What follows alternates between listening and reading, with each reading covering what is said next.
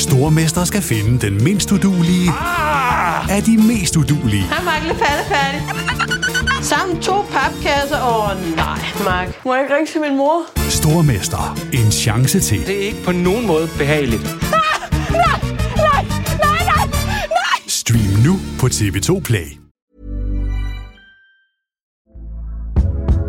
Hey there, it's Michelle Norris. I'm host of a podcast called Your Mama's Kitchen. When I travel, I'm usually looking for a way to find a taste of home when I'm not at home. And one of the things I love to do when I am at home is entertain. And Airbnb allows me to do that. When I was in California recently, I rented a house that had a great kitchen. And when we were sitting around the table, we're all thinking, we're in someone else's house. Someone could be in all of our homes as well.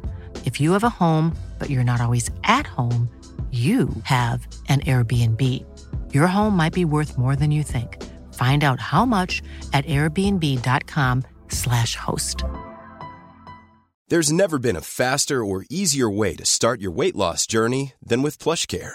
PlushCare accepts most insurance plans and gives you online access to board-certified physicians who can prescribe FDA-approved weight loss medications like Wigovi and Zepbound for those who qualify. Take charge of your health and speak with a board-certified physician about a weight loss plan that's right for you. Get started today at plushcare.com slash weight loss. That's plushcare.com slash weight loss. plushcare.com slash weight loss. Hey Dave, Yeah, Randy. since we founded Bombus, we've always said our socks, underwear, and t-shirts are super soft. Any new ideas? Maybe sublimely soft. Or disgustingly cozy? Wait, what? I got it. Bombus. Absurdly comfortable essentials for yourself And for those facing homelessness. because one purchased equals one donated. Wow, did we just write an ad? Yes. Bombas. Big comfort for everyone. Go to bombas.com slash ACAST and use code ACAST for 20% off your first purchase.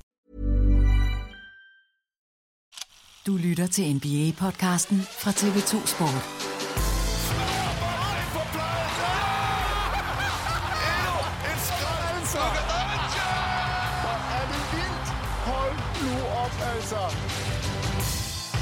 Med overgangen til juli måned, så træder vi officielt ind i den næste sæson i verdens bedste basketballliga NBA.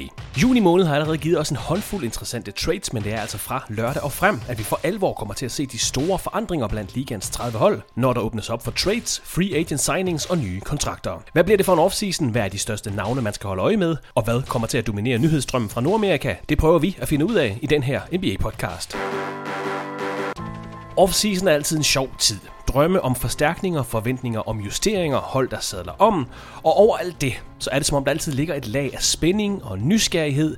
Hvad sker der af markante ændringer, der forandrer NBA-landskabet og magtbalancen? I sommeren 2012, der var Houston Rockets ærligt talt lidt en eftertanke. Få dage før sæsonstart trader de så for James Harden, og i de næste 8 sæsoner er de med i slutspillet, hvor de blandt andet når til to Conference Final-serier. Efter fire sæsoner uden for slutspillet har Cleveland Cavaliers en gylden offseason i 2014, hvor LeBron James kommer til som free agent, og man trader for Kevin Love i Minnesota Timberwolves. Fire sæsoner uden for slutspillet veksles til fire optrædener i NBA-finalerne og Cavaliers første mesterskab i historien. I sommeren 2018 trader Toronto Raptors for Kawhi Leonard. I sommeren 2019 trader Los Angeles Lakers for Anthony Davis. Og i offseason 2020 henter Milwaukee Bucks Drew Holiday. Et lille år efter alle de her tre trades, ja, der vandt Raptors, Lakers og Bucks NBA-mesterskabet. Sådan kan det altså gå, når man træffer de rigtige beslutninger i offseason. Spørgsmålet er så, hvilke markante brækker, der kan blive rykket rundt frem mod sæsonen 23-24, der bliver tippet i gang i slut oktober. Offseason 2023 er ikke spækket med superstjerne free agents, men der er altså stadig en række interessante navne og situationer, der skal løses og behandles i de næste uger og måneder. For en god ordens skyld, så kan vi lige starte med at nævne de største free agent navne til sommeren 2023. Chris Middleton, James Harden, Kyrie Irving, Draymond Green, Fred Van Vliet, Harrison Barnes, Nikola Vucevic, Jeremy Grant, Brook Lopez, Christian Wood, Kyle Kuzma, Dylan Brooks, Jakob Pødel, D'Angelo Russell. Vi kan nævne spillere som Bruce Brown, Derrick Rose, Caris LeVert, Patrick Beverly, Gabe Vincent og Max Strus, Seth Curry og mange, mange andre.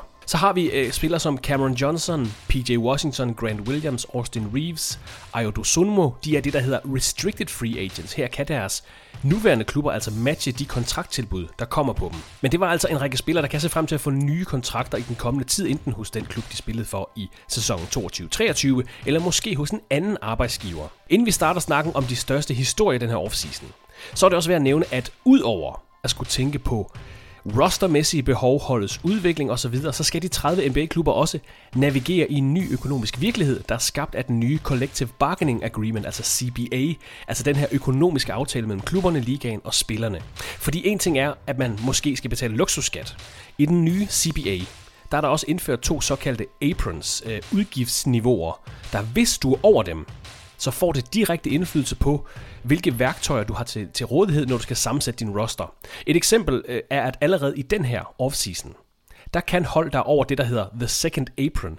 De kan ikke gøre brug af det, der hedder The 5 Million Taxpayer Mid-Level Exception. Det er en, en undtagelse, en klausul, som Box for eksempel brugte i sidste sæson til at tilføre Joe Ingles. Så den kontrakttype er simpelthen fjernet fra bordet hos de hold, der har for store udgifter, der er over the second apron.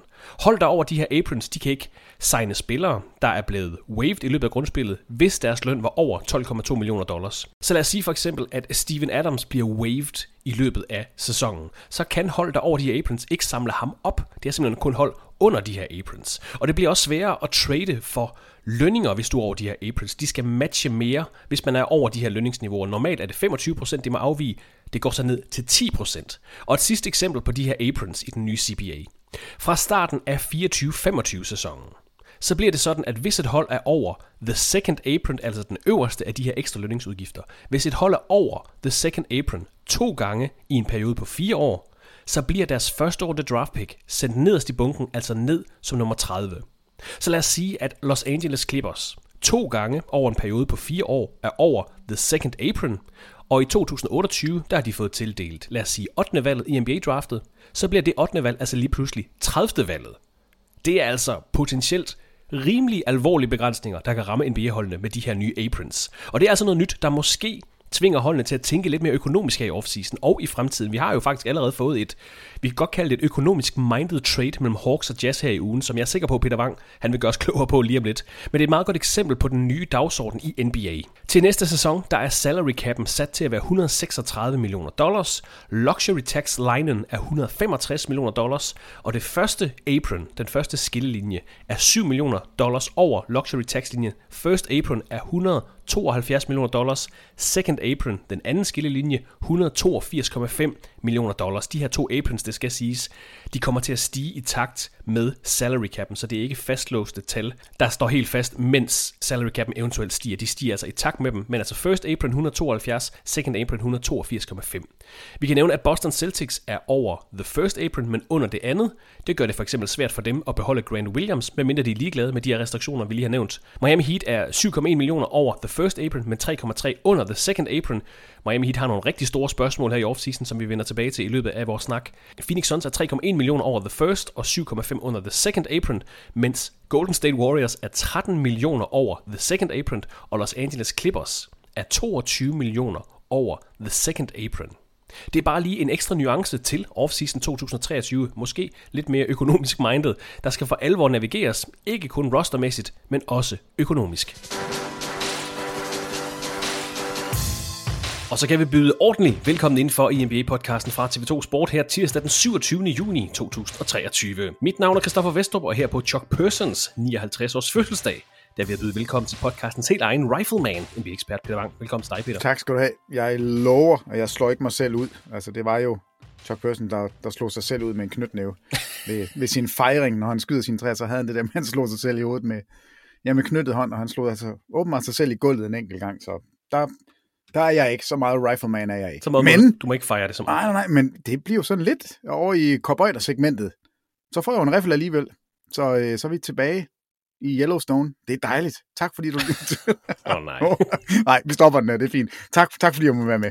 Rifleman er nok et øgenavn, der ikke var gået i 2023. Det er sådan noget yes. helt andet. Men, uh, Stort tillykke til Chuck Person. Fredag er den sidste officielle dag i NBA-sæsonen 22-23, og dagen, hvor off-season starter, det er herfra, at hold kan begynde at forhandle aftaler med free agents. Og fra på lørdag den 1. juli, der kan der altså blive underskrevet de første kontrakter frem mod sæsonen 23-24, hvor lørdag er altså den første officielle dag i næste sæson. Det er altså her, det officielt starter, Peter, forberedelserne frem mod næste sæson. I den her podcast, der skal vi forbi de største historier, måske de mest interessante navne og hold i den kommende off-season. Og jeg kan jo starte med at spørge dig sådan helt øh, generelt, hvor er du mest spændt på at få nyheder fra? Altså, hvor sidder du og venter? Uh, er det Los Angeles? Er det øh, Florida et sted? Hvor er du mest spændt på at få nyheder fra de næste uger og måneder? Jamen altså, det, det er jo stadigvæk Portland. Okay. Altså, jeg, jeg, jeg kan ikke se, at... Øhm, at de kan være færdige. Og der tænker jeg ikke på, at de kan være færdige på den måde, at, at man nødvendigvis skal trade den bedste spiller, der, der nogensinde har været i Portland, altså Damian Lillard. Det er ikke det, jeg mener. Det, jeg mener, det er bare, at der bør ske et eller andet. Fordi med det hold, de har lige nu, der kan de ikke realistisk ud og sige, vi kan spille mere om mesterskabet.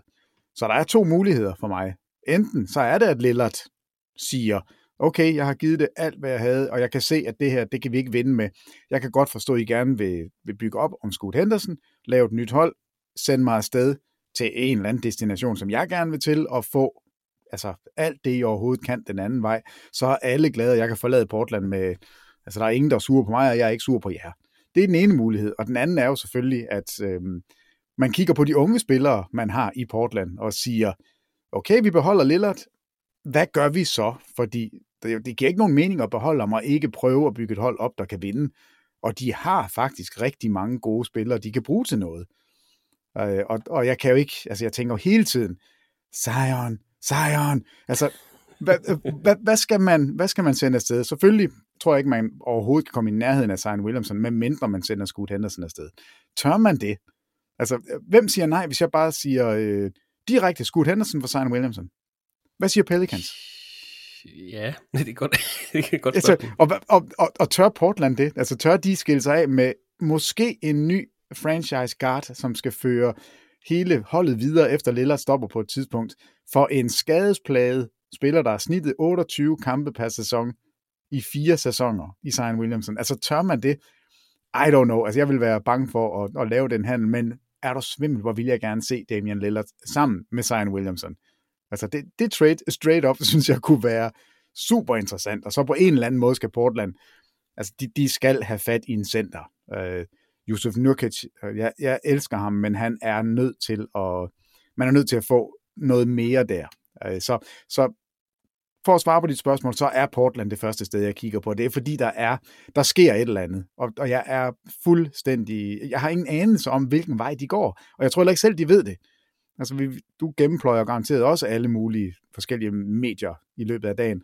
Og det seneste i dag er jo, at Damian Lillard har sagt nu, jeg venter lige og ser til, hvad I gør.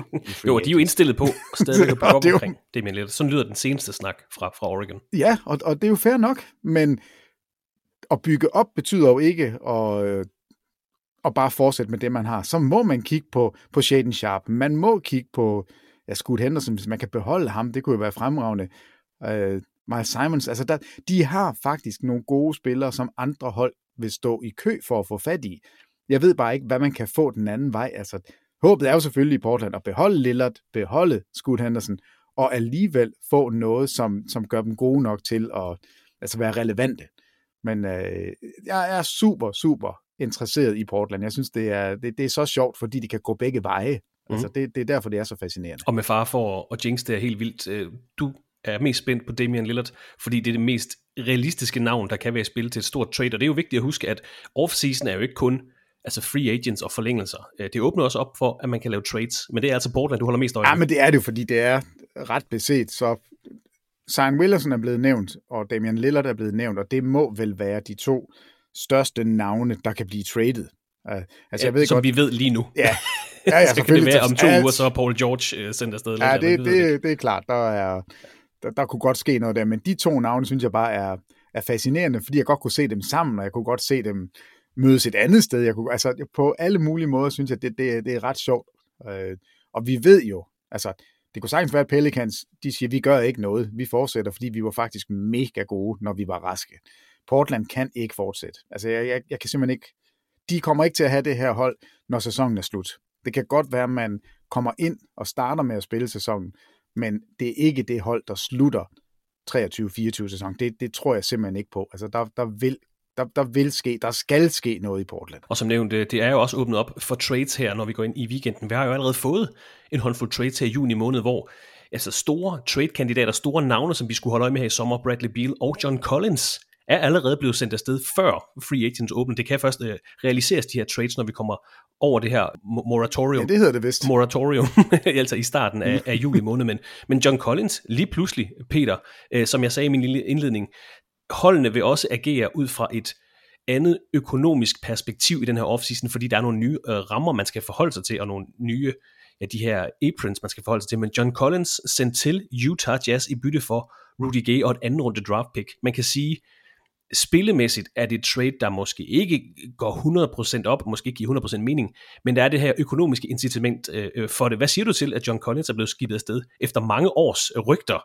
og så til Utah Jazz af alle steder, og det er ikke negativt eller noget som helst, det er bare et, øh, det er et stort hold lige pludselig, altså sådan fysisk Utah. Jamen, nu siger du på, på banen, giver det måske ikke, altså du er alt for venlig, det giver jo ingen mening overhovedet, altså Rudy Gay er færdig, altså det, jamen det er han, han er jo ikke en, en NBA-spiller længere, John Collins er 25 år gammel. Han er en startende power forward slash center, som vi har traded 50.000 gange, fordi det var synd for ham at spille. Altså, han har været så god i Atlanta, og så er han bare gradvist blevet dårligere og dårligere i takt med, at man har suget energien og hans livsgnist fra ham.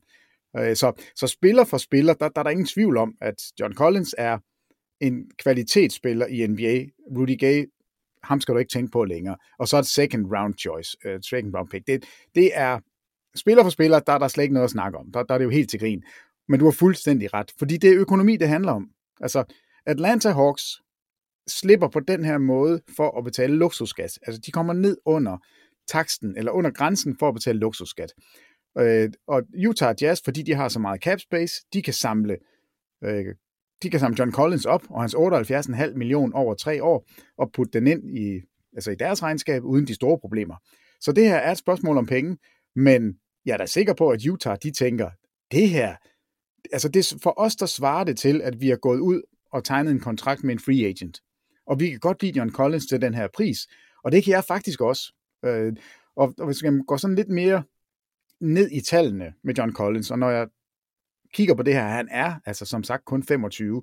Vi husker ham jo bare som sådan en, en spiller, der har været her altid. Kom ind i, i NBA i 2017 og var vanvittig god i to år. I 1920-sæsonen og i 2021-sæsonen, der spillede han tosse godt.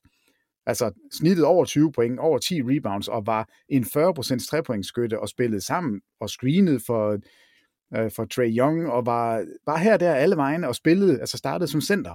Og var den her en eller anden sådan et svar på den nye, moderne stretch 5, altså en centerspiller, der kunne forsvare ringen i den ene ende, og samtidig skyde træer i den anden. Altså det, et eller andet sted var han måske sådan lidt en frontrunner på, hvordan man tænker basket lige nu. Og så er det bare gradvist gået ned ad bakke, og hans sidste sæson har været horribel. Altså han har spillet ring, øh, og, og kigger man bare isoleret set på trepointsprocenterne, fordi det er ret vigtigt. Altså i 1920-sæsonen over 40 procent, i den seneste sæson under 30 procent. Men hvis du har set kampene, så ser man altså også en John Collins, som ikke rigtig har lyst til at rebound mere, som ikke rigtig synes, det er særlig fedt at screen mere, som ikke rigtig har lyst til at spille basket mere på den måde, der bliver spillet i Atlanta. Så jeg forestiller mig faktisk, at man i Utah kan få fat i en spiller, som gerne vil vise, at han hører til, som lige pludselig kan blive sluppet fri, og så har de en mega sjov lineup. Altså Walker Kessler som deres center, ja. Mark Hanan som den ene forward, og John Collins som den anden forward. Okay, kom lige igennem her, ikke? Det er 21 fod, du skal, du skal springe forbi. Det er med et, øh, et massivt hold, de her tre øh, big men. Jeg synes, det er super spændende, og de kan jo alle tre, alle tre kan forsvare ringen, faktisk. Ej, jeg ved ikke, om vi skal sige, Markkanen kan, men altså, forsvarsmæssigt, der er det Markkanen, der er problemet her. Og det, jeg synes egentlig, han har været rimelig okay de sidste par sæsoner. I hvert fald sidste år var, var han okay. Men jeg synes, at det er en sjov lineup, og jeg kan godt forstå, at Utah gør det. Jeg kan også godt forstå, at Atlanta gør det, men endnu en gang, et hold, der handler for sent. Altså det, vi ser det gentagende gange. Ej, vi trader ikke nu. Ej, vi venter lige lidt. Og så ender man ud med at stå med det her, altså et andet rundevalg. Det er det, du får. Og så skal man fejre det Altså, jeg har læst flere steder, hvor, nej, en stor sejr for Atlanta, de slap af med den her kontrakt og kom under luksusskatniveauet. Og John Collins var jo også dårlig sidste år. Jeg kunne fandme var han dårlig, men altså, han spillede sammen med spillere, som ikke ville give ham bolden længere. Han har været så, han har været led og ked af det. Jeg har næsten haft ondt. Jeg har siddet sådan lidt op, krummet tær og, og haft det dårligt, når jeg sad og så Atlanta-kampe, fordi John Collins tydeligvis overhovedet ikke havde lyst til at være der. Så godt for ham, godt for Utah. Atlanta, det her er endnu en gang bare sådan et møde. Altså det, det siger mig ingenting for deres, deres perspektiv. Jo, de sparer penge, men altså det er jeg jo ligeglad med. De sparer penge i den her sæson undgår altså luksusskatter på den lange bane. Så ved at få John Collins ud, så skaber det jo så økonomisk rådrum til at kunne øh, forlænge med DeJounte Murray, øh, Sadiq Bey, Onyeka Okongwu blandt andre. Så der er også, det er et økonomisk minded trade, det er derfor prisen den var, øh, som den var. Men øh, altså som nævnt, vi har allerede fået en en håndfuld trades her i juni måned. Som nævnt, Bradley Beal, John Collins, vi har set Marcus Smart, Kristaps Porzingis, Chris Paul skifte klubber. Du nævner det selv, Peter. Damian Lillard eller Scoot Henderson er navne, vi skal holde øje med i det her perspektiv, afhængig af, ja, hvilken vej Portland går. Uh, Wizards har sendt Porzingis, Bradley Beal væk, kunne godt sende flere væk. Man kunne holde øje med en sign and trade handel med Kyle Kuzma, der også virker som en mand, der er færdig i, i, hos Wizards. Du har nævnt, Zion Williamson uh, er nævnt en del. Jeg tror, man generelt skal holde øje med hold som, som Pelicans, måske Chicago Bulls, Toronto Raptors, der er sådan er de mest oplagte hold til eventuelt at trade halvstore profiler væk, hvis man vælger at, altså, at omstrukturere. Det er især Raptors og, og Bulls, jeg, jeg tænker på her. Har du hørt andre sådan oplagte trade-kandidater her til offseason, Peter? Øh, jeg ved ikke, om det er trade-kandidat, men jo, det er det jo. Altså, DeAndre Ayton synes jeg jo stadigvæk er, er interessant. Ja. Fordi øh, det seneste er, ej, nu, nu kører vi videre med vores tre store kontrakter, og så Ayton, som jo er en gigantisk kontrakt også. Han er bare ikke så langt inde i sin karriere, at det, det ser så voldsomt ud. Altså, Bradley Beal, Devin Booker, Kevin Durant og det Andre Ayton på det samme hold. Økonomisk, der er det, jamen, det, jamen det er helt ufatteligt, altså at man, at man kan få lov, og at man, at man vil, altså man har pengene til det. Man kigger mod de der second apron og tænker, pyt. Ja, jamen det pyt. gør man jo, og, og jeg er sådan lidt, altså jeg var meget nede på det, tror jeg sidst, vi talte om det, men jeg har også tænkt igennem med det her, øh, med Esbjerg, som jo måske øh, er ham, der griner af alle os andre, fordi reglerne siger jo, og jeg, jeg kan ikke huske, om vi talte om det så direkte sidste gang, men 1 dollar over second apron er det samme som 100 dollar, eller 100 millioner dollar. Ja, så det er ligegyldigt, hvor meget og du går over det, det er fløjtende ligegyldigt, så hvis du går hvis du skal bryde det her loft, det så kan du lige så godt gøre det med bravur. Og det må man sige, der ligger Phoenix altså nu. Og alt tyder på, om Aiton bliver øh, traded eller ej, så har man jo i hvert fald økonomisk, har man fyldt godt op. Og problemet for, for alle lige nu i ligaen er jo, at Phoenix på papiret ser super, super skarpe ud. Og alle de her free agents og alle de her veteraner, som løber rundt og, og kigger efter en kontrakt, som godt ved, jamen altså, vi er jo ikke 10, 12, 15 millioner mere værd. Altså det, det får vi ikke på, på det frie marked. De kommer ud og, og er villige til at spille for en minimumskontrakt. Og hvis man er villig til at spille for en minimumskontrakt, så vil man jo helst spille et sted, hvor man måske både kan få minutter og kan få en ring. Så derfor vil Phoenix være en destination. Så jeg tænker, Phoenix må, måske bliver det her øh, sådan et hold med den store svingdør, hvor det bare vælter ind med aldrende veteraner, som faktisk har noget at byde ind med, men som alligevel ikke kan, kan få den store payday nogen steder. Så det bliver et besynderligt hold, som kommer til at koste en milliard. Og når jeg siger en milliard, så, så, er, det jo ikke, så er det ikke forkert. Altså, det mener jeg. Det, de kommer til at smadre alt. Og Esbjerg, jeg synes, han var vanvittig. Altså, det lød, det der Bradley Beal-cirkus, øh, det, det lød som om, at det næsten som om han ikke havde forstået, hvad, hvad er det egentlig, der, der skal ske. Nu er du en ny ejer med mange penge, og du er bare, bare ligeglad. Jeg tror faktisk, han er ligeglad, men jeg tror, han har forstået, hvad det er. Og i stedet for at, som sagt, bryde loftet med en enkelt dollar, så siger han, vi går all in, og, og jeg har så mange penge, at det er lige meget. Men det, det, det er jo lige præcis det her, man prøvede at forhindre. Altså han går stik imod alt det, den nye CBA prøver og, og, og sørge for. Så det, det, er, det er faktisk super, super sjovt. Men altså, der var ballade. Hørte du med Aiton og, og Kevin Durant? Nej. De har været op og skændes. Det, det er en fantastisk historie. At øh, åbenbart har Aiton været hjemme ved Kevin Durant til sådan en team dinner ting, hvor han så siger, at han vil gerne se de der finals MVP'er, som Steph Curry skulle have haft. Shots fired, og så tænker jeg bare, okay, det er fint. Det er, I skal løbe rundt den næste sæson.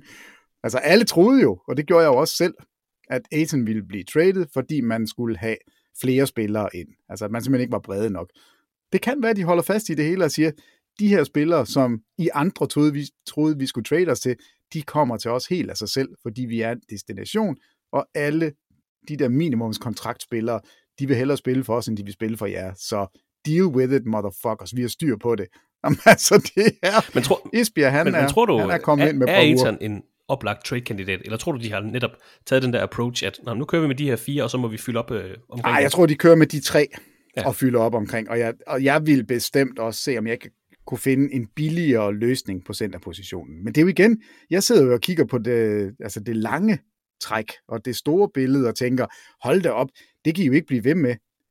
Så mange penge kan man jo ikke betale, og, og der tager jeg jo fejl. Det kan man jo godt, hvis man vil. Vi har bare ikke set det før.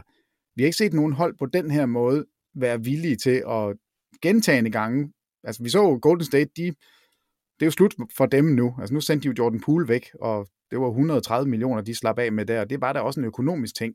Der, jeg ved også godt, at der er noget spillemæssigt. Chris Paul passer bedre, og de var sure på Jordan Poole og slagsmål og alt det her. Men selv Golden State begynder at tænke over økonomien. Ja. så, så Phoenix er, er blevet den der den, den slemme dreng i klassen, som, som gør det, de andre måske drømmer om, men ikke tør gøre. Og, og det, det undrer mig godt nok lidt, at, øh, at det er landet der. Så jeg, jeg ved ikke med Aiton, jeg er sikker på, at de, at de kigger. Men hold nu op, altså Asen er en mega god spiller. Så hvis penge er ligegyldigt, og du kan finde ud af at få kontrakter ind alligevel, øh, så, så kunne jeg da godt betænke mig, eller jeg kunne godt tænke mig at beholde Aiton. Men jeg, men jeg tror bestemt, de har snøren ud alle mulige steder, og hvis jeg var et hold derude, så var jeg ikke, jeg var ikke færdig med Aiton. Altså, jeg, jeg tror, der er en bedre spiller i ham lige nu, end vi sådan har set, fordi han er også en, der er blevet trykket en lille smule. Og, og den historie med Kevin Durant og ham, den tyder jo også på, at der er et eller andet, som ikke er helt okay. Men det, Monty Williams skulle man- heller ikke lide ham. Det, er- det er som om, han, Nej, han går lidt skævt på, det- på det kan flere godt være, det er personer, men det, det er sådan noget helt Jamen, andet. det kan da være, at han er meget irriterende. Altså, det, sådan er der er nogen, der er, og det, selvfølgelig er de også i NBA. Og, og det er altså, det skal, det skal man huske på, det her er jo ikke, ligesom da vi spillede, det var ikke noget med, at man lige mødes tre gange om ugen, og så træner Da vi man. spillede NBA. Ja, dengang vi, dengang vi to spillede NBA. Altså det, det her, det er jo full time. Det er jo, det er jo hele året, og det er jo hele tiden, og du ser jo dine holdkammerater med langt mere, end du ser din familie. Og du rejser med dem hele tiden. Du skal sidde på fly med dem, du skal sidde i lobbyen på hotellet. Altså, du er nødt til at have en nogenlunde kemi. Det er jo en arbejdsplads, og det er et betændt område, hvis ikke det fungerer bare sådan til et minimum. Og hvis, hvis man krydser en grænse, den der Jordan Poole og Draymond Green, altså vi troede jo ikke, at de nogensinde kunne spille en sæson sammen. Det holdt de ud, men så gik den altså heller ikke længere. Og jeg siger ikke, det er lige så slemt med Aiton og Durant og Aiton og Monty Williams og hvem det ellers måtte være. Men der er et eller andet, som ikke fungerer. Og så derfor er Aiton selvfølgelig en, en oplagt trade-kandidat, fordi han har noget værdi.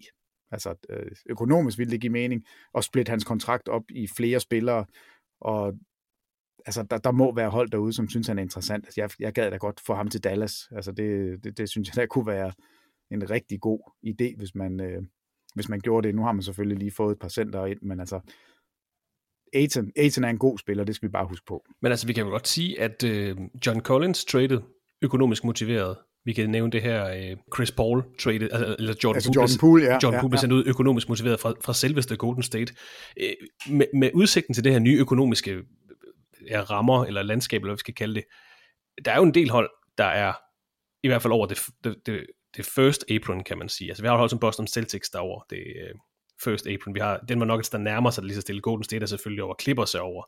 Øh, Miami Heat er over. Kunne man, se, kunne man se det åbne op for flere spillere som trade-kandidater, eller de hold, jeg nævner her, er jo hold, der spiller med om mesterskabet. Det koster jo at vinde mesterskabet, det er det, vi altid siger. Jeg kunne ikke forestille mig, at Miami Heat vil sende nogen jo ikke væk for at øh, ødelægge deres chancer for at spille med om mesterskabet igen næste år. Men, men, men, men tror du alligevel, med de her økonomiske ting, at det kan udvide trade-landskabet? Eller skal det være hos, hos lidt mindre hold? Øh, jeg, jeg, altså, jeg ved simpelthen ikke, hvor, hvor aktive de her ejere er i forhold til at kigge på bundlinjen hele tiden og sige, øh, vi skal være under det her. Altså, jeg tror, der er nogen hold, der får besked på, I må ikke krydse den her linje, og så er vi fløjtende ligeglade med resultaterne. Men alle de hold, vi sidder primært og holder øje med, det er jo dem, der kan vinde mesterskabet.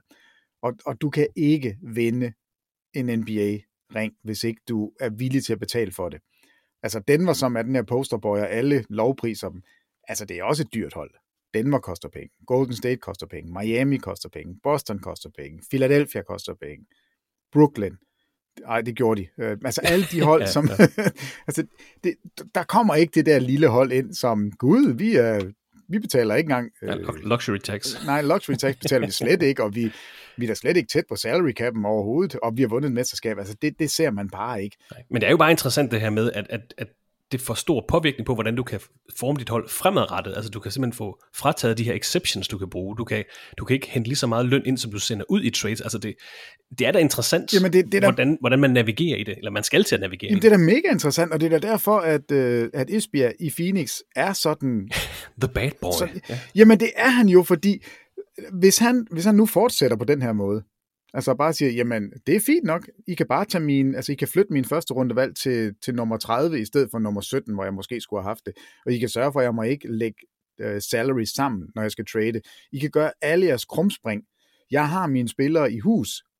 De fire spillere, jeg vil gå med, dem vil jeg gerne de næste fire år betale en milliard, og så henter jeg veteraner ind, som er villige til at spille på mit hold for den lave løn.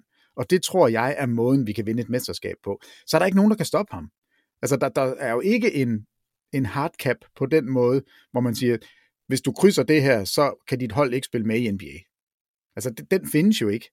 Så, så han bliver et eller andet sted en, en test på, om, om det virker, om hele det her system, de har sat op, om det rent faktisk virker, eller om der er en, der, der bare snyder dem.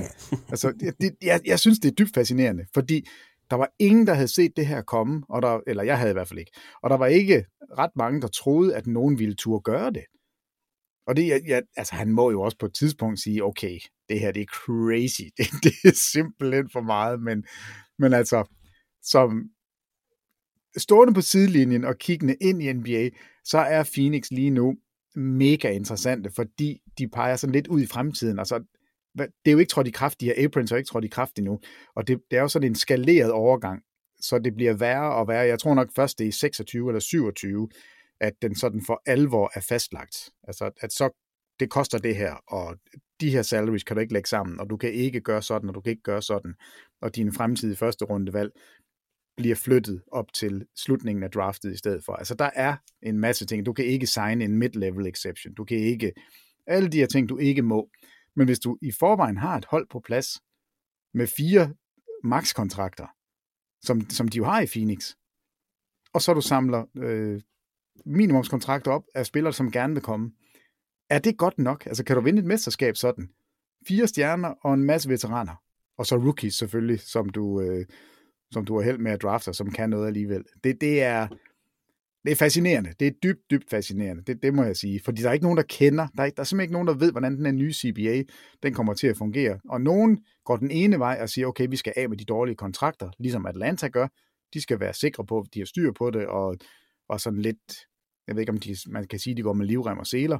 Og så Esbjerg, der bare hopper ind med bare røv. Han er fløjtende ligeglad. Der er ingen seler. Ja, der er ingen seler, ikke noget. Der er ingenting. Ingenting. Men vi har allerede fået nogle trades, og de her trade-kandidater, vi pegede på, altså Damian Lillard bliver nævnt meget, vi holder øje med situationen i Portland, hold øje med Washington Wizards, om de sender flere ud. Jeg tror i hvert fald, øh, hvis du ringer og spørger pænt, kan du godt få en point guard, der hedder Monty Morris, eller Tyus Jones, Jones. selvfølgelig. Øh, Chicago Bulls, Toronto Raptors kan øh, være hold, der måske imploderer. Jeg tror det ikke umiddelbart, men hold øje med dem. Det er altså de, de varmeste trade-kandidater. Øh, som jeg også nævnte, Peter, det er ikke en... Øh, det er måske ikke en off-season med, med, med superstjerne-navne, men der er en masse spillere sådan lige under dem, der kan komme til at skrive de store overskrifter, både i trades, som vi sagde, Damian Lillard er selvfølgelig en stor stjerne, men også via det her free agency. Øh, Jeg har noteret nogle store overskrifter, nogle spillere, vi skal holde øje med. James Harden, 76ers eller Rockets, eller noget helt tredje. Det virker Ja, det- til, det det er mellem Philadelphia eller, eller Houston Rockets, men hvis han smutter fra Philadelphia, så har de håret i postkassen og skal til at finde på noget andet. Hvis han smutter, øh, smutter til Houston, ja, hvad bliver det for en dynamik? Altså en, en veteran ballhawk sammen med en masse unge ballhawks, det bliver også øh, interessant, men det er i hvert fald en stor overskrift for den Nå, her men jeg, synes, de hænger sammen, de to, øh, James Harden og Fred Van Fleet. Ja, Fordi okay. alt tyder på, at øh, hvis James Harden går til Houston, så henter man selvfølgelig ikke Fred Van Fleet. Men hvis James Harden bliver i Philadelphia, som jeg tror, han gør, og som det, det er i hvert fald det seneste intel, vi hører over fra NBA, det er, at, at han nok bliver. Så tror jeg, at Fred Van Fleet er den næste, der smutter, og han smutter så til Houston. Altså, øh, der er ingen tvivl om, at, at Houston er blevet en destination lige pludselig. Vi hører hele tiden, at Van Fleet er på vej dertil. Dylan Brooks, jeg ved ikke, om de samler på de, de skal have nogle sjove, nogle sjove spillere. Altså, der, der, der er navne, der bliver linket til, øh, til Houston i øjeblikket, og jeg er sikker på, at Van Fleet er, han kommer der til, hvis ikke James Harden gør, og det tror jeg som sagt ikke, at Harden gør. Så Van Fleet, velkommen til Houston Rockets. Jeg læste en artikel om Van Fleet, og det har jeg faktisk på ingen måde været opmærksom på. 49 spillere i NBA den sidste sæson, Christoffer. Har du læst den også? Har skudt 15 skud per kamp. Ja, den har jeg læst. Han har den dårligste field goal percentage af de 49. Ja, han altså havde en skidt sæson sidste år. 39 procent skyder han. Altså, jeg, jeg tror, jeg har tilgivet ham for alt, han har lavet, fordi hans historie er så vild. Kom fra G-League og vinde et mesterskab der. Kom til, til Toronto, vinde et mesterskab der. Og blive starter, og det hele er bare godt. Så jeg har sådan nærmest glemt, at han faktisk har spillet virkelig dårligt. Jamen, det var en, en undervældende sæson for Toronto sidste år, og selvfølgelig ja, også fyret cheftræner. Og det er også derfor, hold øje med Toronto, fordi enten så kan de lave et eller andet, hvor de bliver markant bedre, eller også så kan de, jeg tror ikke, de springer det hele i luften, men de har nogle interessante spillere. OG Anunoby, Pascal Siakam, de kan sende væk, og på den måde altså hente uh, draftkapital ind, så hold øje med Toronto Raptors. Men du tror altså, at James Harden bliver hos 76ers og Houston Rockets med deres 64 millioner i, i cap space, et af de få hold, der har cap space den her sommer. Den bruger de på Fred Van Vliet, og måske også Dylan Brooks. Ja, både Dylan Brooks og Brook Lopez. Altså det, det er de tre ja. spillere, som, som bliver linket til Houston. Og altså Ime Udoka, den nye head coach, som var fantastisk i Boston. Altså havde jo en noget af et run, startede rigtig dårligt ud, og da han så fik sendt sin besked til holdet, så klikkede det hele, så blev de jo et fremragende forsvarshold, og var jo virkelig, virkelig gode, og han er jo egentlig mest sådan eftertragtede head coaches, indtil han laver alt sin ballade i Boston og bliver, og bliver suspenderet. Men ja, der er slet ingen tvivl om, at spillerne, de er jo et eller andet sted ligeglade med, okay, han har lavet noget, kysset med en, han ikke skulle kysse med, men som head coach og som udskiftningsleder og som styrmand på et hold, der elsker vi ham. Så jeg tror, Houston har spillermæssigt, så har, de, så har de gjort sig noget godt ved at få fat i, i den her head coach, fordi han har et godt ry, de vil gerne spille for ham. Og jeg synes, det er tydeligt nu, at vi ser, at der er masser af ung talent i Houston. Og de her veteraner, som måske ikke har, og James Harden er selvfølgelig et, et stadigvæk et, et stjernenavn, men alle de andre her, Dylan Brooks er jo ikke en stjerne, Brook Lopez er jo ikke en stjerne, uh, heller ikke Fred Van Vliet, altså, men, men det er Houston, de alle sammen bliver linket til. Selvfølgelig fordi pengene er der, men også fordi der er en, der, der sker noget spændende i Houston lige nu. Der, er, der er virkelig nogle sjove brækker, og kunne være en, en del af det, det tænker jeg da også. Er... Og man, man skal vel også have nogle veteraner ind ved siden af alle de her Jamen det skal man jo. høje draft picks, man har Jamen, Jabari Smith og Jalen Green. Ja, og, altså de har en head coach, ja. som nok skal, skal fortælle spillerne, hvordan han synes, det skal være. Altså der, det, der er ikke nogen tvivl. Og så har du alle de unge, som fiser rundt, så du har ret. Der skal et par veteraner ind, og der tænker jeg, at det vil ikke være så dumt at, at få en Fred Van Fleet ind. Jeg tror sgu ikke, James Harden er den bedste at få ind til det hold der. Jeg tror egentlig hellere, jeg vil have en, en Van Fleet-type eller en Brook Lopez-type ind til at styre dem en lille smule.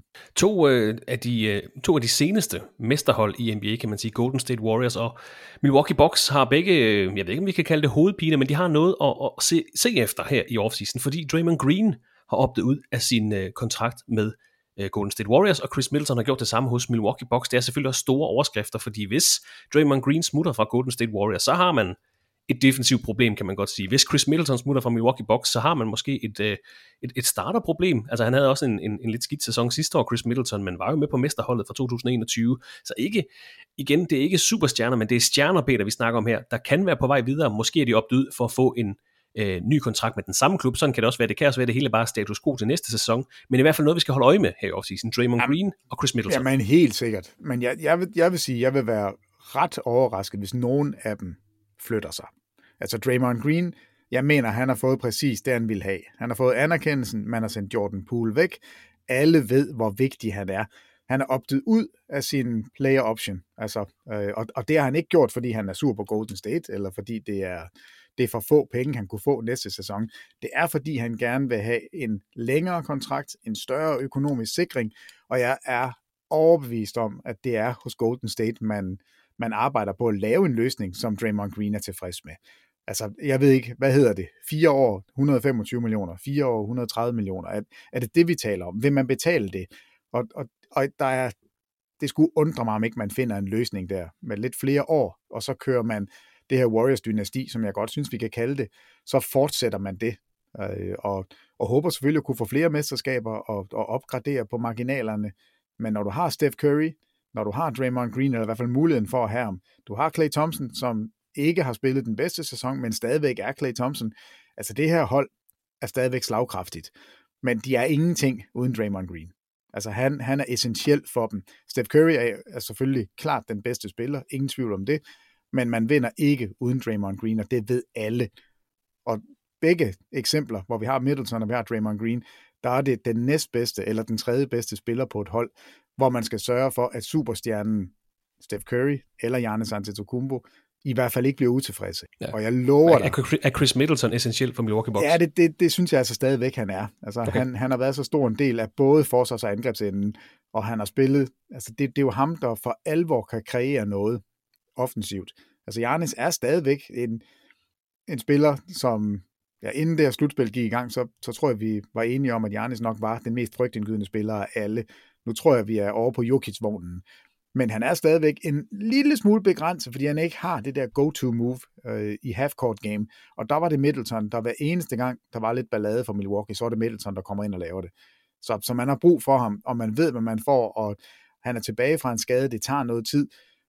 Og jeg, jeg tror selvfølgelig, at det første kald, man laver, det er at sige, hej Janis, øh, hvordan synes du om ham der Middleton? Skal vi beholde ham? Og der er jeg sikker på, at Antetokounmpo siger, ja, selvfølgelig skal vi det, fordi der er ikke nogen andre derude, som er bedre.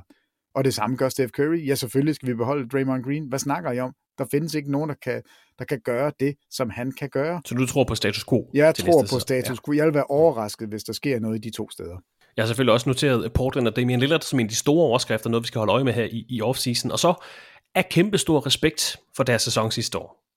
Stor overskrift til den her offseason. Sacramento Kings, Peter, har pludselig skabt jamen lidt økonomisk råderum. Harrison Barnes er free agent, hvis de lader ham gå, så har de lige pludselig 36 millioner dollars til.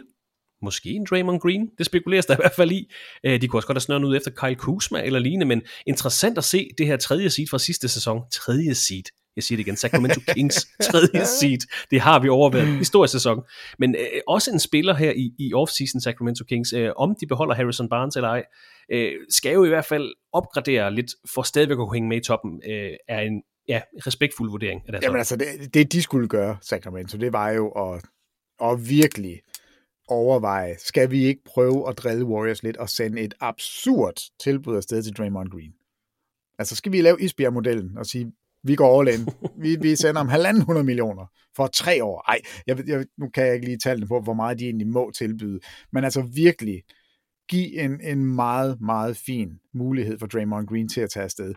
Og, og når jeg siger det, så er det fordi, kunne du se Sacramento, hvis de fik Draymond Green? Altså den der forsvarsorienterede spiller, nej, hvor kunne det være fedt. Men der er jo, der er jo lidt connection, selvfølgelig spiller de i Division, det bruger vi ikke længere. Nej, det Peter, findes det ved, ikke. Godt, vi ikke men de ligger, de ligger begge to i, i, i Kalifornien, har jo haft noget rivalisering. Du har en tidligere minority owner, der nu er hvad hedder det, main owner hos Sacramento Kings i Vivek Ranadive. Han var tidligere minority owner hos Golden State Warriors. Du har den tidligere assistenttræner som head coach nu i Sacramento. Så der er også lidt de der øh, bånd mellem de to øh, klubber. Jeg tror gerne, Kings vil gå ind og, og drille det her Warriors-dynasti. Ja, alt hvad de overhovedet kunne. Så kan man tale om, hvad så spillemæssigt på banen? Kan man godt have Sabonis i de her dribble handoffs? Kan man godt have Draymond Green? Han gør jo faktisk noget af det samme. Altså på, på den måde kunne jeg godt se, at det kunne være lidt besynderligt. Der er ikke nogen af de to, der kan skyde udefra. Hvordan ville det fungere? Vil offensiven fuldstændig blive, blive ødelagt, hvis man, hvis man havde de to? Men jeg tænker bare, det der, det forsvar og den intensitet, Draymond Green kunne komme ind med, jeg vil elske det i Sacramento. Jeg kan godt se, at det vil det er faktisk lidt, lidt vanskeligt fedt på banen. Ja. Ja. Uh, det, det, det vil det være. Det vil det være, men altså en stor lange mand til Warriors og sige, nu, nu spiller jeg hos Sacramento, det kunne da være mega sjovt. Jeg tror det ikke. Altså, jeg tror det ikke. Jeg tror mere på Karl Kuzma. Den, den synes jeg passer bedre, og jeg tror, øh, jeg tror slet ikke, det er urealistisk, og det er jo også et eller andet sted det eneste, vi har hørt, at Kuzma gerne vil tilbage til Vestkysten, og jeg tror ikke, at Lakers øh, har mulighed for at få ham. Så jeg tror, Sacramento er, det er nok destinationen, hvor Kyle Kuzma gerne vil hen, og hvor han også potentielt kan lande. En anden øh, markant overskrift til den her offseason, det er finalisterne fra Miami Heat. Øh, et dyrt hold, der ser ud til at miste nogle vigtige brækker. Altså de får selvfølgelig Tyler Hero, Victor Oladipo tilbage fra skade til næste sæson, men både Max Struss, Kevin øh, Love og Gabe Vincent er alle free agents. Det er altså tre starter fra finaleserien, og det er ikke en underdrivelse, det er eller en overdrivelse. Altså, det er tre starter, Max Strus, Gabe Vincent og Kevin Love. Alle sammen free agents, og de har allerede øh, lønningsudgifter på over 170 millioner dollars til næste sæson. Så hvordan Miami Heat navigerer, jeg er ikke nervøs for dem, fordi Miami Heat, de formår altid at finde spillere, de kan bruge. Øh, det er slet ikke det, men det er nogle markante spillere, der potentielt øh, forlader klubben. Det kan også være, at de får lavet nogle, nogle aftaler. Måske kan Kevin Love komme ind på en, en veterankontrakt, men jeg tror, det bliver svært for dem at beholde Max Strus og Gabe Vincent, som trods alt var essentielle brikker i deres run her i altså, hvis jeg manglede en point guard, så ville jeg da bestemt kigge på Gabe Vincent og sige, hallo, altså, det, vi kan jo se, du er god. Vi ved godt, du er undrafted. Vi ved godt, det har taget lidt lang tid for alle os andre at finde ud af, at du kunne spille. Men er du svimmel, når du kan gøre det her i slutspillet, så er der ikke noget som helst til, til hinder for, at du også kan gøre det i grundspil, og vi, dig vil vi gerne have fat i. Max Strus vil jeg også gerne have, men, men Gabe Vincent synes jeg er, er mere interessant. Men jeg tror, de sidder jo lige nu også og venter på, har vi stadigvæk en mulighed for at få fat i Damian Lillard? Er Lillard den spiller, der, der skal tage os det sidste stykke? Øh, fordi det er jo drømmen. Hvis man kan få Lillard og Butler og Bam Adebayo på det samme hold, så er det fint. Gabe Vincent, du må gerne smutte Max Strus. Ja, ja, du kan moonwalk. Altså, det, det, det er fløjtende ligegyldigt, så finder vi ud af det, hvis vi har de tre spillere på plads. Øh, det, det, var, det er jo deres drøm. Det er deres drømmescenarie og, og få det til at lande på den måde. Så jeg tror også lige, de afventer en lille smule. Men Gabe Vincent, hvis jeg var et hold ud med snøren, jeg kunne godt tænke mig at se ham et andet sted. Det ville være fint. Og så et navn, som jeg har taget med under øh, en markant overskrifter, fordi jeg tror, det er en spiller, der kommer til at få en kæmpe stor kontrakt, enten hos øh, det hold, han spillede for i sidste sæson, eller hos en ny klub. Cam Johnson, Cameron Johnson, der altså spiller for Brooklyn Nets, kom til i øh, uh, tradet med Phoenix, eller kom til fra Phoenix Suns hedder det, er free agent her til sommer, og er en spiller, som mange hold er interesseret i. En, en altså 27-årig wingspiller, der både kan skyde og dække op. Det er jo en, en hot commodity i NBA, så jeg tror, han kommer til...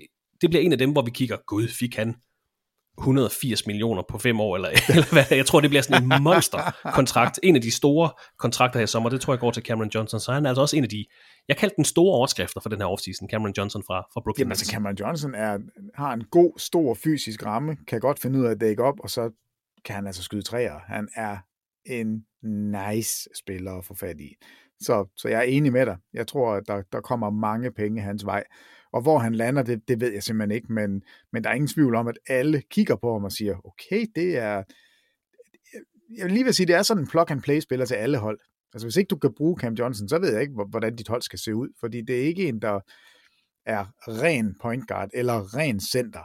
Det er sådan en, en spiller, der kan være med over det hele. Så haps, hvis man kan få fat i ham, så er det bare med at, at, at snuppe ham. Og så kan vi jo øh, bruge det som segway over til, ja, de lidt mindre historier, de er stadigvæk markante, og noget, der er værd at holde øje med, det er slet ikke det, men øh, et, et fokus er jo også, Peter, San Antonio Spurs henter de markante spillere ind til at hjælpe Victor Wembanyama i debutsæsonen, og, og kan de øh, med et par veteraner komme ind på holdet sammen med Victor Wembanyama, nu skal vi heller ikke hype ham mere end, end højst nødvendigt, men kan de så lige pludselig være en spiller til play-in-kampen? Lad os sige, du bare plukker Cameron Johnson ind ved siden af, af Victor Wembanyama på det hold, så skal vi selvfølgelig også se de andre. Men kunne det være en spiller, San Antonio Spurs til ham? Øh, ja, jeg tænker godt, at, fordi han virker som sådan en well-rounded spiller. Altså, mm, det, som, som passer ind alle steder. Så det kunne jeg godt forestille mig, man gjorde.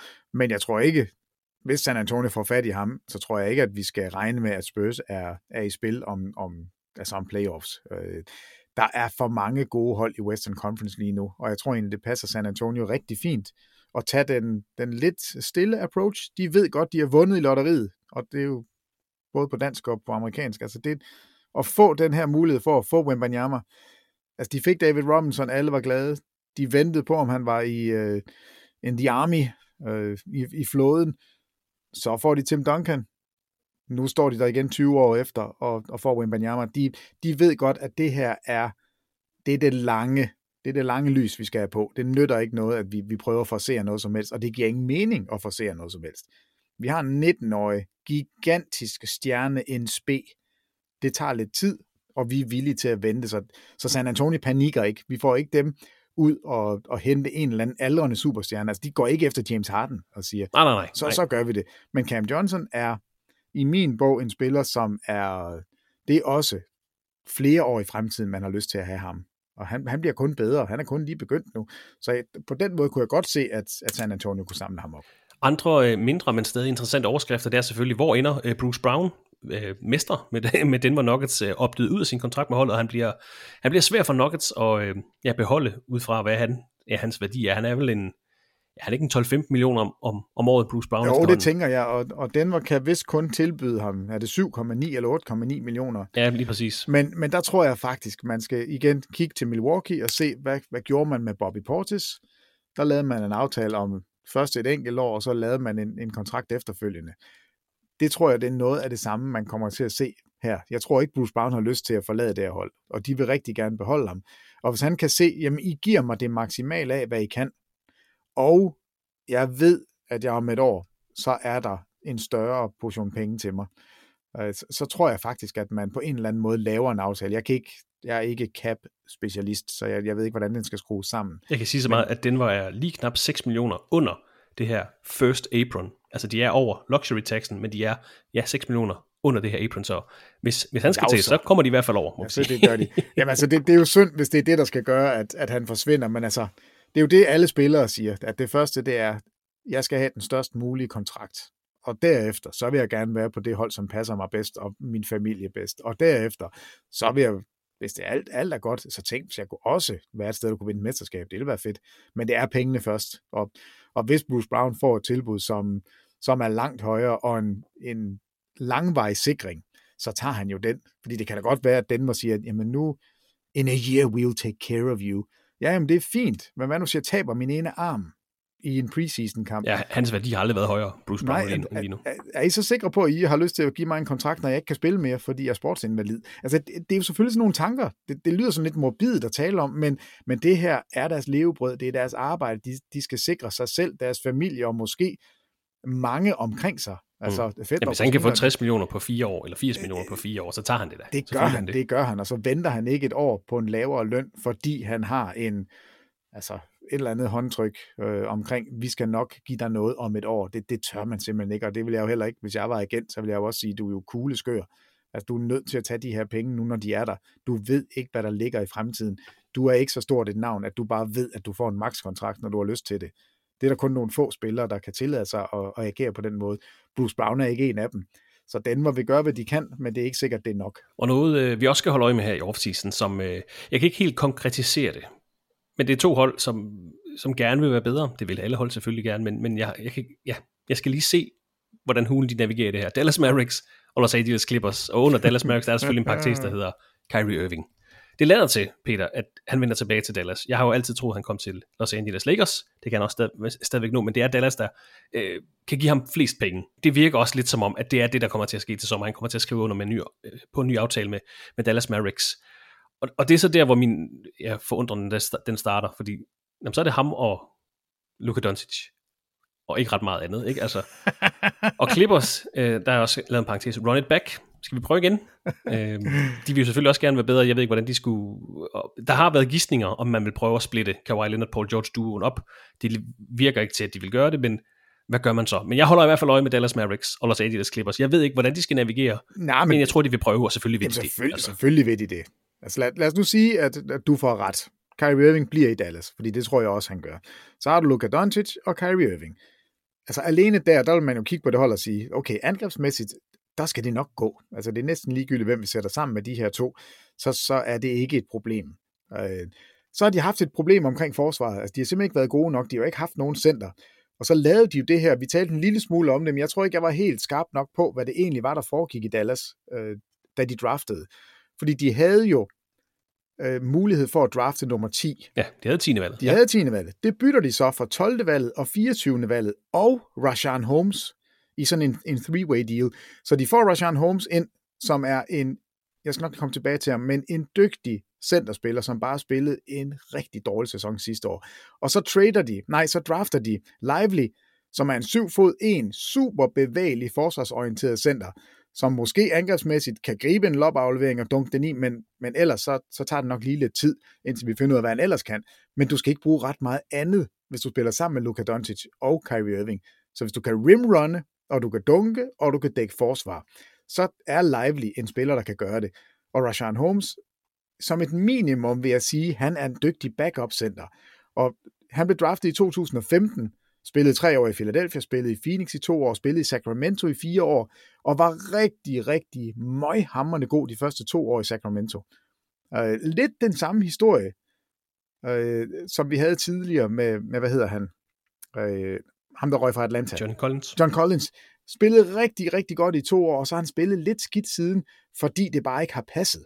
Altså, i den 1920-sæson og 2021-sæson, der snitter han altså 12 point og 14 point, rebounder røven ud af bukserne, og er altså en livlig spiller, der på 28-29 minutter er aktiv hele vejen igennem, og han kan skyde, altså han skyder 75% på sin straffekast over, over karrieren, så der er ikke noget galt med hans skud.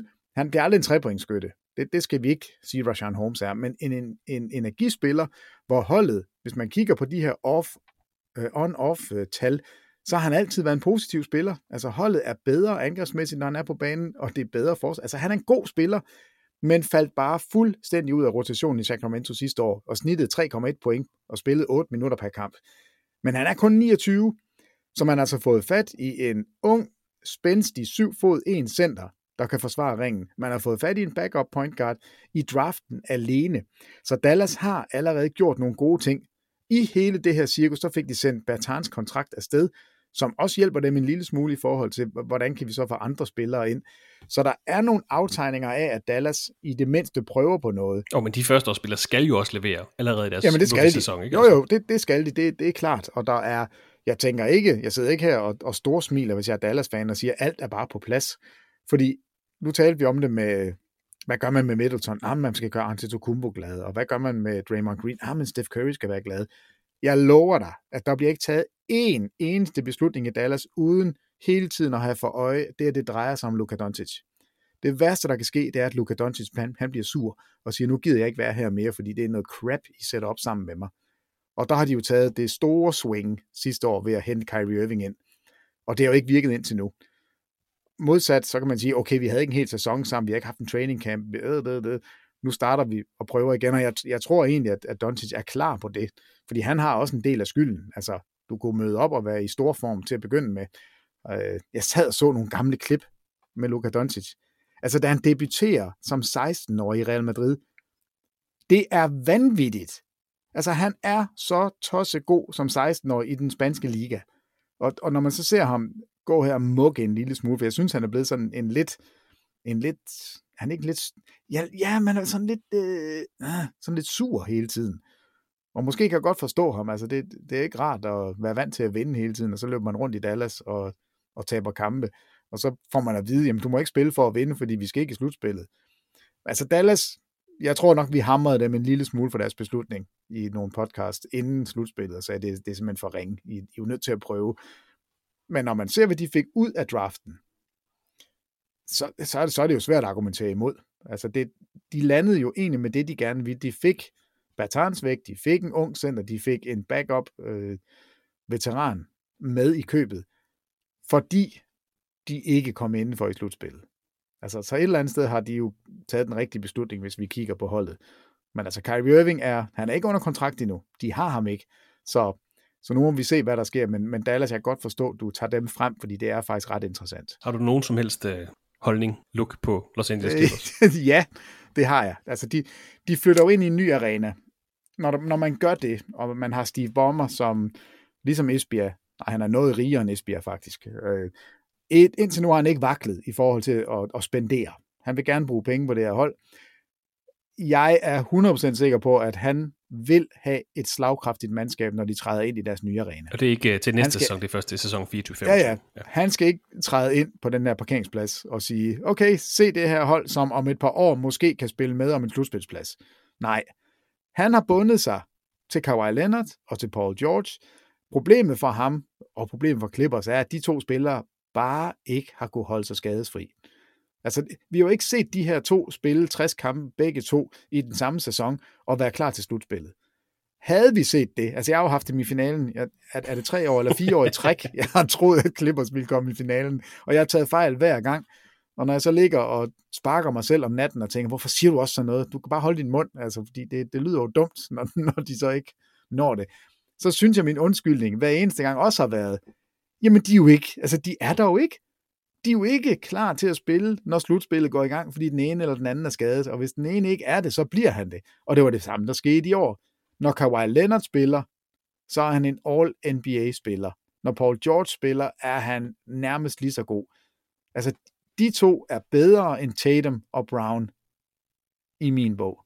Så, de så det er run it back. Altså det, det, jamen, jeg kan ikke se, at de kan gøre andet, fordi hvem står derude og siger, jamen, jeg vil gerne give dig, øh, hvad, hvad skal du have for Paul George? Hvis jeg nu sendte uh, R.J. Barrett og Julius Randle til Clippers, Jamen, jeg vil ikke have R.J. Barrett og Julius Randle. Jeg synes ikke, jeg er bedre med R.J. Barrett og Julius Randle. det er et nej tak, kan jeg godt høre. nej, nej, jeg, altså, jeg, jeg kan bare ikke se... Du får jo ikke tilbudt Zion Williamson for Paul George. Det tror jeg... Nej, men på et, tids, på, på et tidspunkt er man også nødt til at sige, nu har vi ligesom prøvet det her. Ja. Altså, det er nøjagtigt det samme hold til næste sæson på, på nær Mason Plumlee og så Russell Westbrook, Ja. som de formodentlig ikke har råd til at beholde heller. Okay, så det er det samme. Jamen, altså- og jeg ved godt, de var i Western Conference Finals for tre år Clippers, siden. Det ved Clippers med Kawhi Leonard og Paul George er et hold, der kan vinde mesterskabet. Problemet er bare, at vi har ikke set dem sammen endnu. Siden, siden run it back. Så jeg siger run it back, fordi jeg, jeg, jeg kan ikke se, hvad de ellers kan gøre. Og jeg er jo nødt til at gå med dem endnu en gang. Clippers i finalen. så, så hvis ikke de er der sammen, så, så kan jeg jo ikke dumme mig en gang mere. Og jeg, jeg er villig til at gå 0 for 4. Der er Bormer. I har hinanden. Det er godt. ja, vi har hinanden. Ja. Vi, jeg, jeg, kan, jeg tror faktisk ikke, jeg kan svede lige så meget som Steve Du kan juble lige så meget. Det kan jeg godt. Det kan jeg godt. I det, I det andet omklædningsrum, øh, der i Crypto.com Arena, der har vi Los Angeles Lakers. Øh, selvfølgelig altid et hold, der er meget opmærksom på, øh, opmærksomhed på, når det kommer til free agents og, og off-seasons. Det store opgave, det er at resign Austin Reeves. Det er de meget opsat på. De lader det til, de gør. De plus, at de resigner et par af de andre spillere fra, fra sidste sæson, Rui Hachimura måske. Øh, og så vil de, så vidt jeg lige kan gennemskue, stadigvæk have den her mid-level exception på omkring 12 millioner. Så de kan stadigvæk godt forstærke holdet. Men al den her snak om for eksempel en Kyrie Irving, om han, skulle, han, om han ville have den, eller han ville have en langt større kontrakt øh, hos Dallas, den er der stadig. De har den her mid-level exception. Men der tænker jeg faktisk, sådan en spiller som Max Struss kunne måske være meget interessant. Absolut. Jamen, super godt navn at tage ind, fordi det, det er lige præcis det, de spillere, som, som Lakers skal kigge efter og kan kigge efter. Øh, og jeg, jeg synes igen, man er nødt til at huske på, hvordan Lakers sluttede sæsonen. Fordi det var sådan en blandet sæson, fordi de var så dårlige til at begynde med. Og så var der en periode, hvor det hele gik op i, at LeBron James skulle være den mest scorende spiller i NBA's historie. Og så kommer trading deadline, hvor, hvor de virkelig får lavet nogle fornuftige ting, og så kommer de ind i slutspillet. Men så går de til Western swept. Conference Finals. Ja, det er jo sindssygt. Ja, altså, og, og taber til, til det her Denver-mandskab, som bare er, er afsindig gode. Altså, og de taber 4-0. Yes, de blev udspillet. Yes, det gjorde alle af Denver.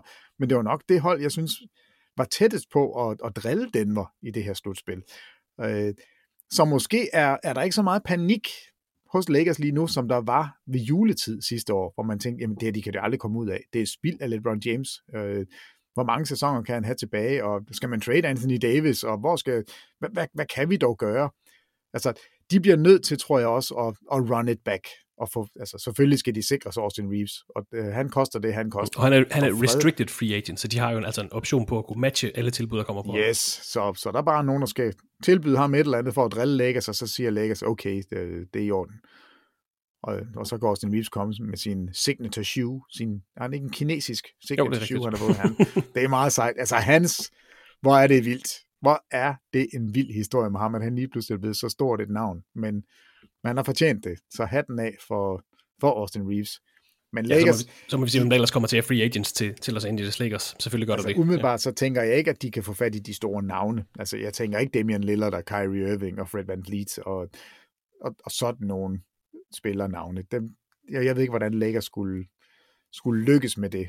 Uh, Karl Kuzma er måske den eneste, man sådan kunne, Ah, ja. kunne forestille sig, men, men jeg tror simpelthen, at han får for mange penge på det, det frie marked til, at Lakers kan være med. Så, så Lakers, det bliver nogenlunde det samme mandskab, tror jeg, som det, de sluttede af med i år, og det er faktisk heller ikke så dårligt. Og så som nævnt, så holder jeg et skarpt øje med Toronto Raptors. Jeg har gjort det i nogle sæsoner, må jeg indrømme, faktisk siden de vandt mesterskabet. Men det er spændende, uh, hvilken vej de eventuelt vælger at gå her i sommer, hvor Fred Van Vliet er unrestricted free agent, efter han har opdydet sin kontrakt, og Peter har altså sendt dem til Houston. Så uh, interessant at holde øje med dem, men det er, var de store og de knap så store, uh, lidt mindre historier, som vi skal holde øje med. En, en, en vinkel, jeg kan lade være med at tænke på til den her offseason, Peter, det er, at det er jo faktisk ret mange af topholdene, der har noget øh, på spil. Især i Eastern Conference er der mange uvidsheder. Og ja, altså det kan godt være, at det hele bare er status quo, når vi kommer til sæsonen 23-24. Men bare sådan lige i overskriftsform. Altså Milwaukee Bucks, Brook Lopez, Chris Middleton er free agents. Der skal adresseres noget. Philadelphia 76ers smutter James Harden, så skal man til at finde noget andet. Boston Celtics skal lave den der, eller skal eventuelt lave den her store forlængelse med Jalen Brown, har allerede lavet ændringer, har sendt Marcus Smart væk og fået Kristaps Porzingis ind. Uh, Cleveland Cavaliers, Caris LeVert er free agent. Stoler man på Isaac Okoro som starter, eller skal man ud og finde en, en, en small forward til holdet? New York Knicks, kan man beholde Josh Hart, der har en player option?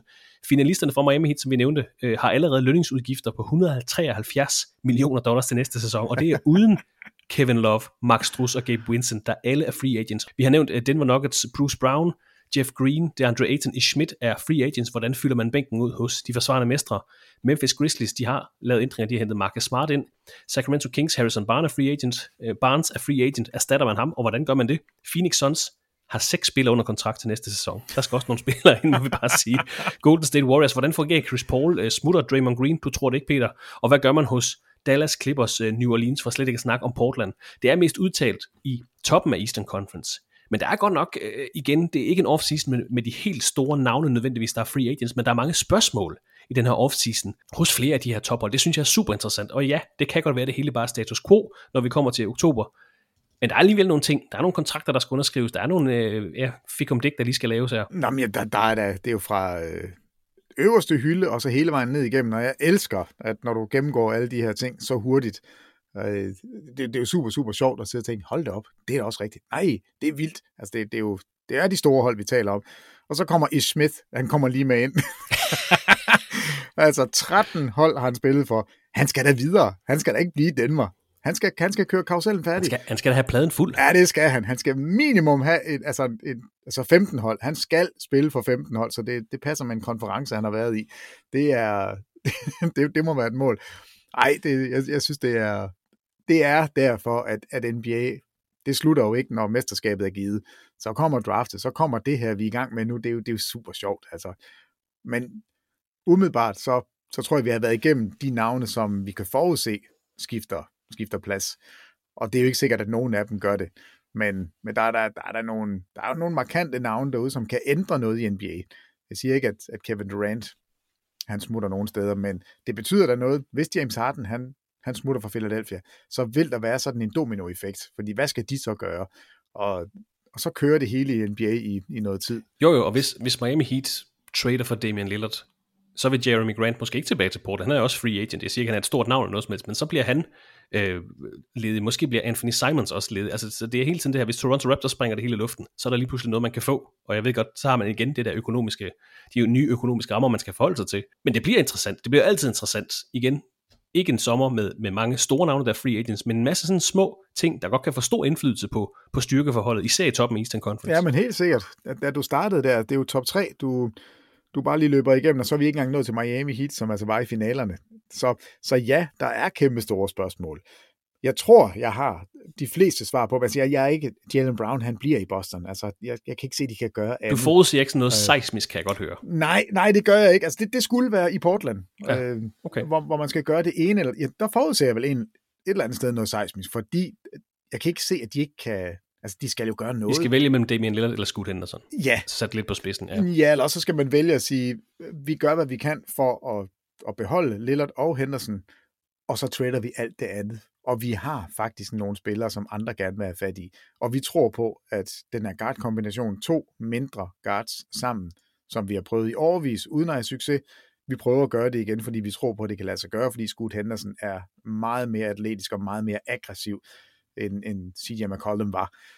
Altså, øh, den, den vinkel kan de jo også tage, men de kan ikke bare sende det her hold ud til sæsonen og forvente at gå igennem sæsonen og, og være et hold, der kan vinde det hele, for det kan de ikke.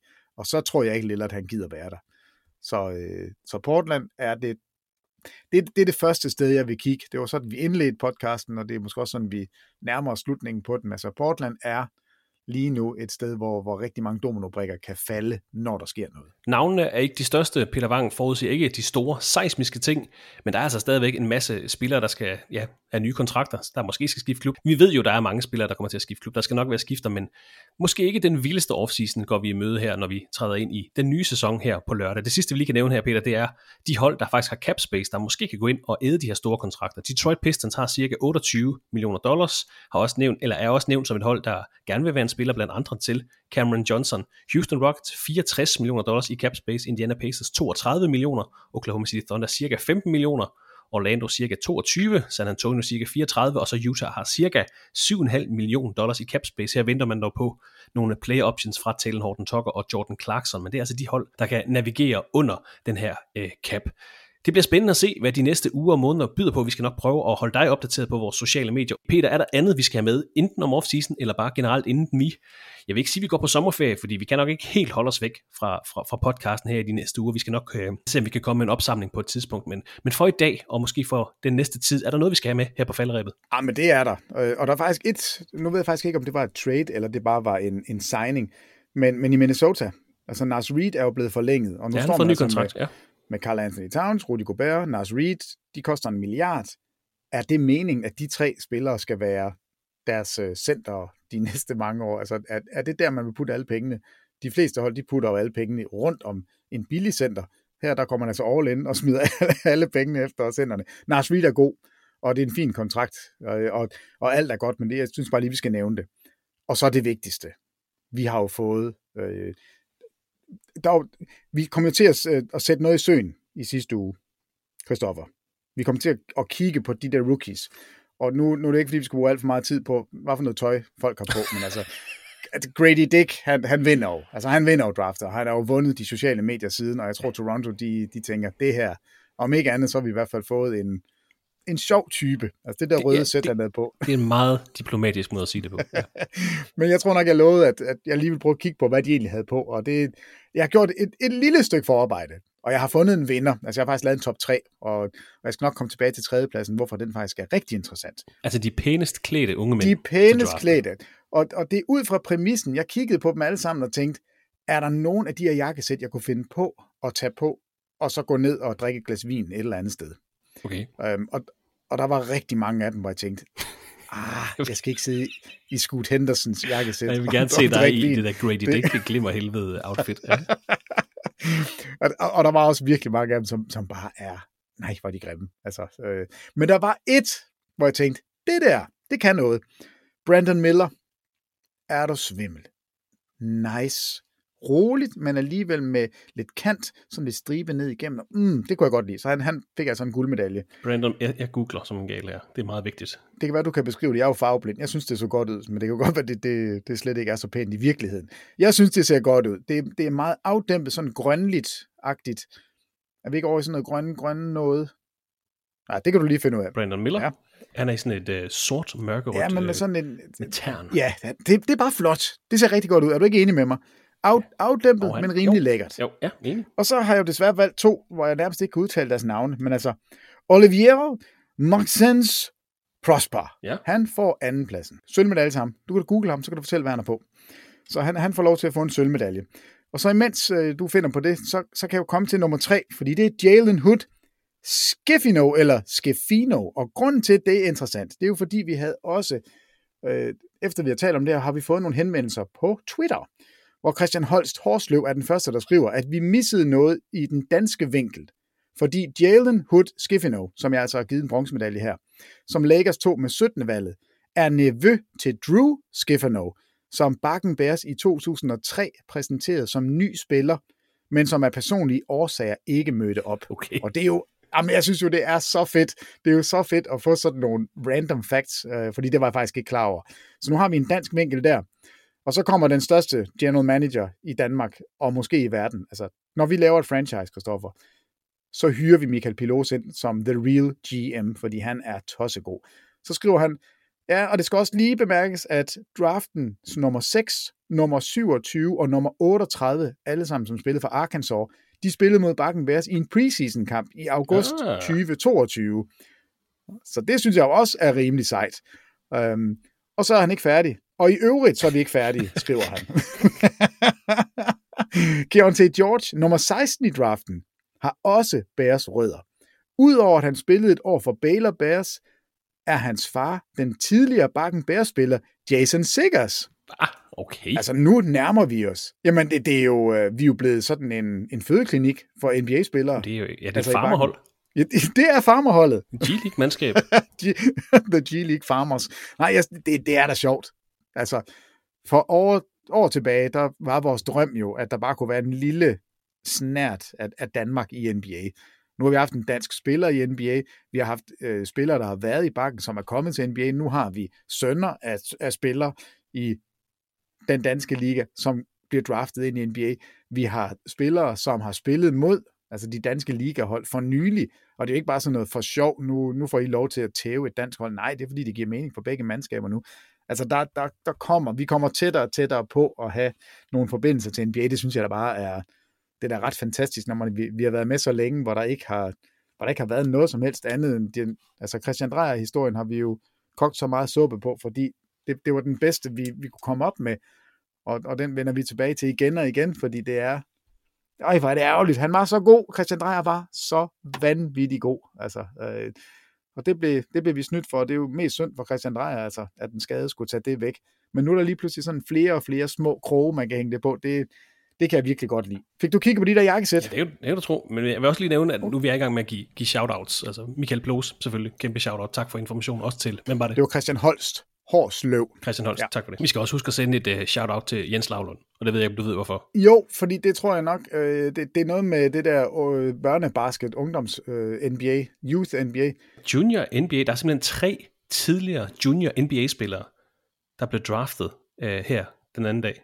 Jarvis Walker, Cason Wallace og Grady What? Dick har alle sammen spillet med i Junior NBA, som jo er udtænkt og skabt af Jens Lavlund. Nej, Jens Lavlund han øh, styrer den danske ud, udgave af, af Junior NBA, så Jamen, det er jo lottery, han er altså det også er gang med at lottery skabe picks NBA-spillere. Simpelthen, Ej. det er lidt sejt. Jens Lavlund, hvor er han? Han er konge. Det er sejt. Nu skal jeg lige se, Jalen Hood skifter nu.